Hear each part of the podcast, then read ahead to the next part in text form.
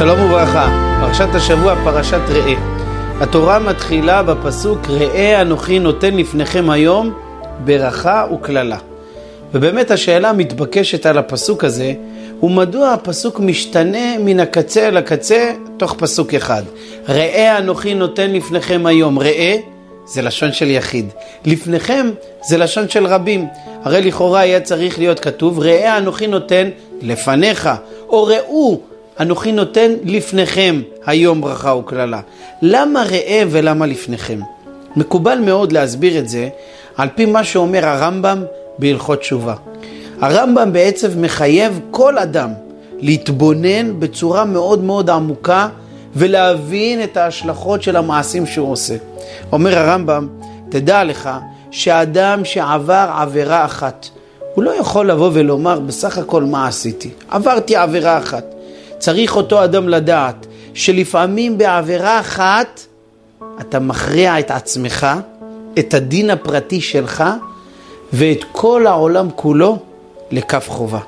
אבל בדיוק באותו דבר, אדם צריך לדעת שאם הוא עושה מעשה אחד, הוא יכול להכריע את עצמו ואת כל העולם כולו לכף זכות. מעשהו של היחיד, ראה אנוכי נותן לפניכם היום. הוא משפיע בעצם על כל הציבור כולו. וחכמינו, חכמי ישראל, גדולי ישראל, תמיד הבינו את זה, והפנימו את המסר העמוק הזה. עד כמה מעשהו של אדם יחיד משפיע על הכלל כולו. הנה אנחנו קוראים כמעט בזמן המקודש ביותר שיש לנו, ביום הכיפורים, בשעת המנחה. קוראים את המפטיר בספר יונה. יונה הנביא, יונה בן אמיתי. יונה נשלח לבצע משימה שהוא כלל לא רוצה. הוא לא רוצה לנבוט על הגויים, שיקראו להם דברים גרועים. מדוע?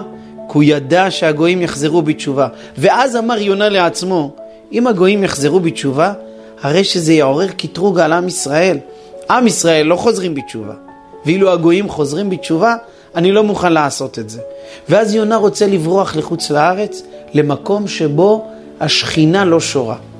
ואז, ברגע שהאונייה חישבה להישבר, ברגע שיש מציאות שהכל הולך להתרסק והוא הולך לטבוע, בא אליו רב, רב החובל ואומר לו, קום, מה לך נרדם? קרא אל אלוקיך, תקרא אל הקדוש ברוך הוא. קם יונה ואומר את המשפט הלא יאומן, המשפט המחריד הזה. יודע אני כי בשלי הסער הזה. אני יודע שכל מה שקורה פה, כל הסערה האיומה והגדולה שיש פה, היא אך ורק בגללי. וכבר הסביר הרב מבריסק את הדבר העצום הזה שאמר. הרי כתוב כמה פסוקים לפני כן, שהמלאכים שחששו לחייהם, הם פנו והתפללו אש אל אלוקיו. לכל אחד מהמלאכים הייתה עבודה זרה, והוא התפלל אל העבודה זרה.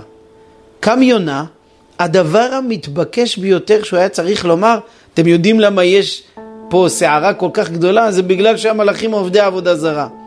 אבל יונה לא בחר בדרך הזאת, הוא בחר בדרך העמוקה והמורכבת, והוא אמר, בשלי הסער הזה.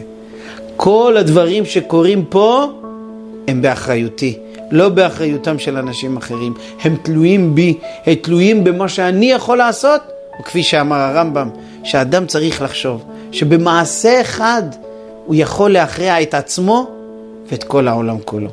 והמסר הזה הוא מסר כל כך יסודי, עד כדי כך שראינו אליו כמה דוגמאות, שהכהן הגדול ביום הכיפורים, בזמן הקדוש ובשעה הקדושה ביותר, על מה הוא מתפלל? אחד מהדברים שלא תיכנס לפניך תפילת עוברי דרכים. עובר מישהו, יטפטף עליו הגשם, למרות שכל העולם כולו צריכים למטר. זה זמן הגשמים, גדול יום הגשמים יותר מתחיית המתים. אבל יש חשש שהקדוש ברוך הוא ישמע את תפילתו של היחיד כנגד הצורך הציבורי של כל הציבור כולו. מדוע? כי כשם שהיחיד יכול להשפיע על כל הציבור במעשהו, כך הוא יכול להשפיע על כל הציבור בתפילתו. יחיד יכול להשליך במעשיו על כלל ישראל, על כל העולם כולו. וכפי שמספרים במשל על יהודי אחד, שראה שבונים ארמון למלך. והוא החליט שאם בונים ארמון למלך, הוא יוכל להתפרנס קצת מהשאריות של החומרי בנייה שזורקים תמיד באתרים של בנייה.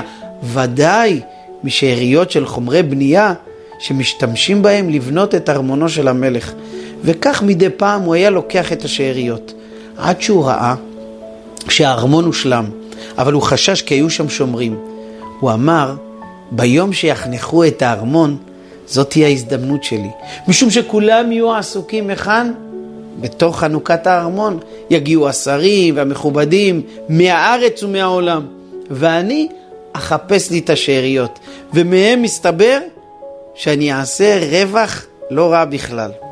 ואומרים שהוא עלה לגג, ואכן בדרך כלל בגג יש הרבה שאריות. והוא התחיל ללקט לתוך שק כל מיני ברזלים, כל מיני חתיכות של קרשים, כל מיני שאריות של דברים, ואז הוא ראה מבצבצת בחושך איזה סוג של ברזל, איזה אום או איזה בורג גדול. הוא אמר, עם זה אני אוכל ודאי לעשות משהו.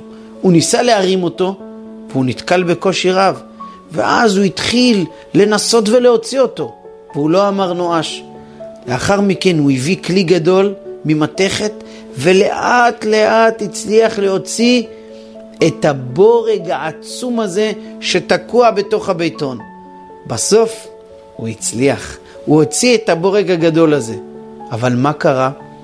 כמה שניות לאחר מכן עלו עשרים שומרים מתוך הארמון אל הגג. מה קרה? מה בסך הכל עשיתי? אני מוכן להחזיק את הבורג הזה, למה אתם זורקים אותי לכלא? אמרו לו השומרים, אתה מואשם בניסיון רצח. בניסיון רצח? בסך הכל לקחתי בורג אחד. אמרו לו השומרים, טיפש אתה. אתה חושב שזה בורג אחד, אבל אתה יודע מה המשמעות של הבורג הזה?